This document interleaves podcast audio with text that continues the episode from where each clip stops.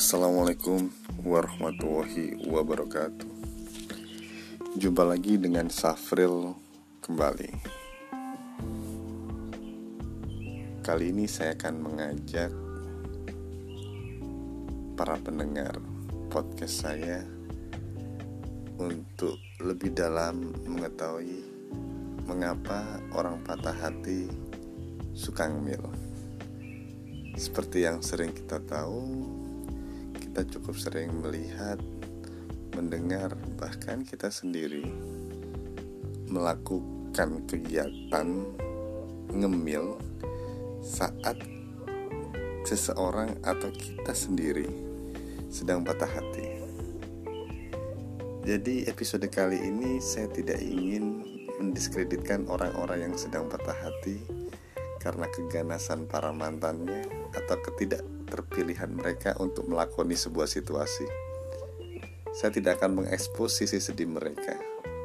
Saya mencoba berempati pada mereka. Saya akan coba bahas dari sisi lain, sisi ilmiah mengapa orang patah hati suka ngemil.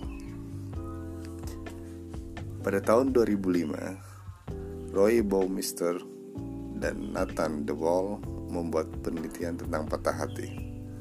Remember, Patah hati tidak melulu bicara masalah cinta. Dua orang peneliti ini melakukan sebuah riset pada sebuah kelompok mahasiswa untuk melakoni sebuah proyek. Kelompok mahasiswa ini diminta untuk hadir pada sebuah informal meeting.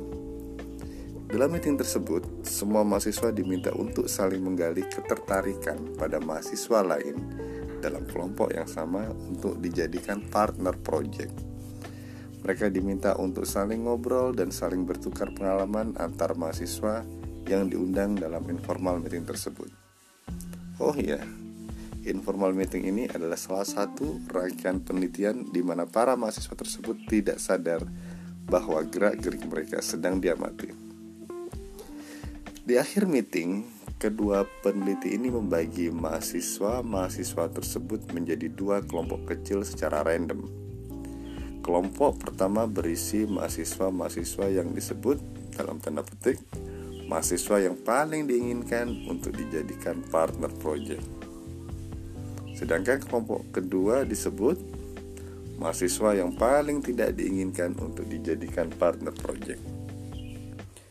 Kedua peneliti memberitahu pada mahasiswa yang masuk kelompok pertama secara personal bahwa mayoritas mahasiswa di dalam ruang meeting tersebut menginginkan mereka menjadi partner project. Sedangkan untuk kelompok kedua, para peneliti menginformasikan hal sebaliknya, alias mereka termasuk kelompok yang paling tidak diinginkan untuk dijadikan partner project. Kemudian kedua kelompok dipisahkan dalam ruangan yang berbeda ada lusinan donat di meja makan di tiap ruangan di masing-masing kelompok. Ternyata ada perlakuan berbeda terhadap donat dari dua kelompok ini. Kelompok pertama tidak tertela, tidak terlalu tertarik pada donat. Harga diri mereka yang melambung sepertinya cukup mengenyangkan perutnya. Mereka lebih tertarik berbagi kebanggaan dengan rekan satu kelompok daripada mengkonsumsi donat yang disediakan. Berbeda halnya dengan para mahasiswa yang ada di kelompok kedua. Secara bergantian, mereka terus mengkonsumsi donat hingga tak tersisa.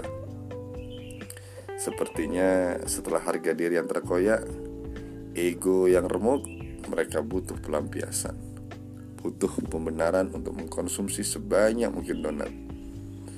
Pembenarannya adalah, toh sudah tak ada lagi yang tertarik menjadikan mereka partner project. Jadi, Mengapa harus takut makan donat sebanyak mungkin? Toh dari awal mereka sudah tak diinginkan. Sehingga kalaupun mereka jadi gendut karena banyak makan donat, bukan sebuah kejahatan kan? Nah, hal ini disebut ego depletion. So, pahami bila rekan kita makan atau ngemil banyak. Siapa tahu hatinya sedang terluka dan butuh pelampiasan.